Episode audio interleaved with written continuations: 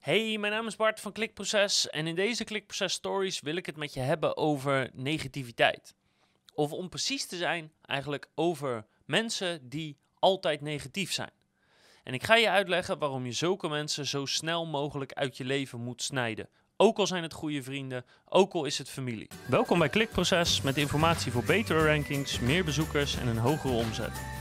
Elke werkdag praktisch advies voor meer organische groei via SEO, CRO, YouTube en Voice.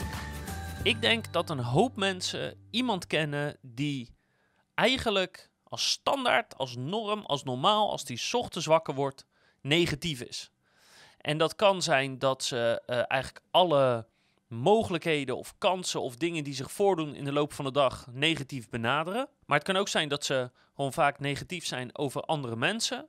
Maar zeg maar, wat je ook probeert of, of hoe je ook ergens mee probeert om te gaan, zij weten er altijd iets negatiefs van te maken.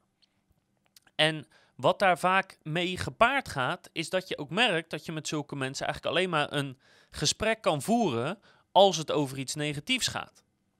Daar komt ook nog bij dat in mijn ervaring zulke mensen vaak veel moeite hebben om zeg maar oprechte interesse te tonen, omdat ze vooral op zoek zijn naar iets om, hè, om lekker negatief over te zijn.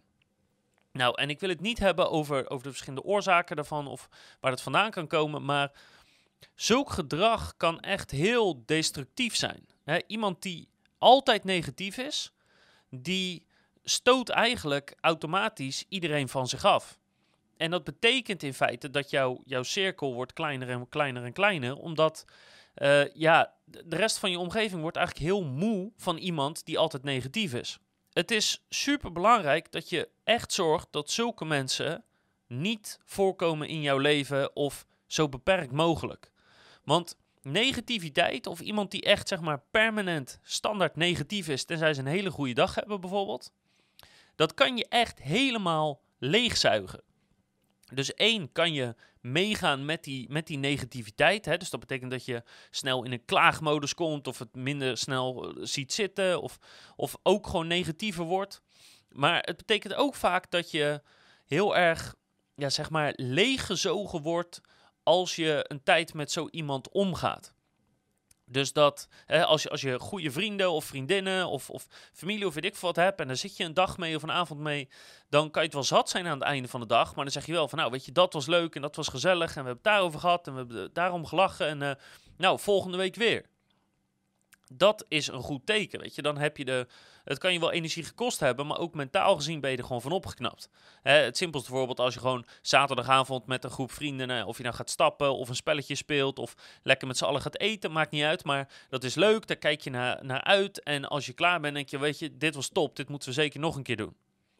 Maar bij mensen die heel negatief zijn, heb je dat helemaal niet. Als je als dan de dag voorbij is of de avond voorbij is, dan voel je je helemaal leeggezogen. Dan voel je gewoon ja, je voelt je gewoon helemaal, bleh, helemaal alsof je kapot bent, alsof je een marathon gerend hebt. En je beseft het misschien niet, maar op het moment dat dat veel voorkomt, op het moment dat je zo iemand in je leven hebt, dan kan dat jou echt naar beneden trekken. Het kan je inzichten of het kan je de, de beperkingen die je zelf oplegt, kan het heel erg vergroten. Hè, want ja, die is altijd negatief en dat, dat trek je dan toch een beetje naartoe. En het kan je als gewoon persoon heel erg in de weg staan om te groeien. Want iemand die altijd negatief is, die wil niks.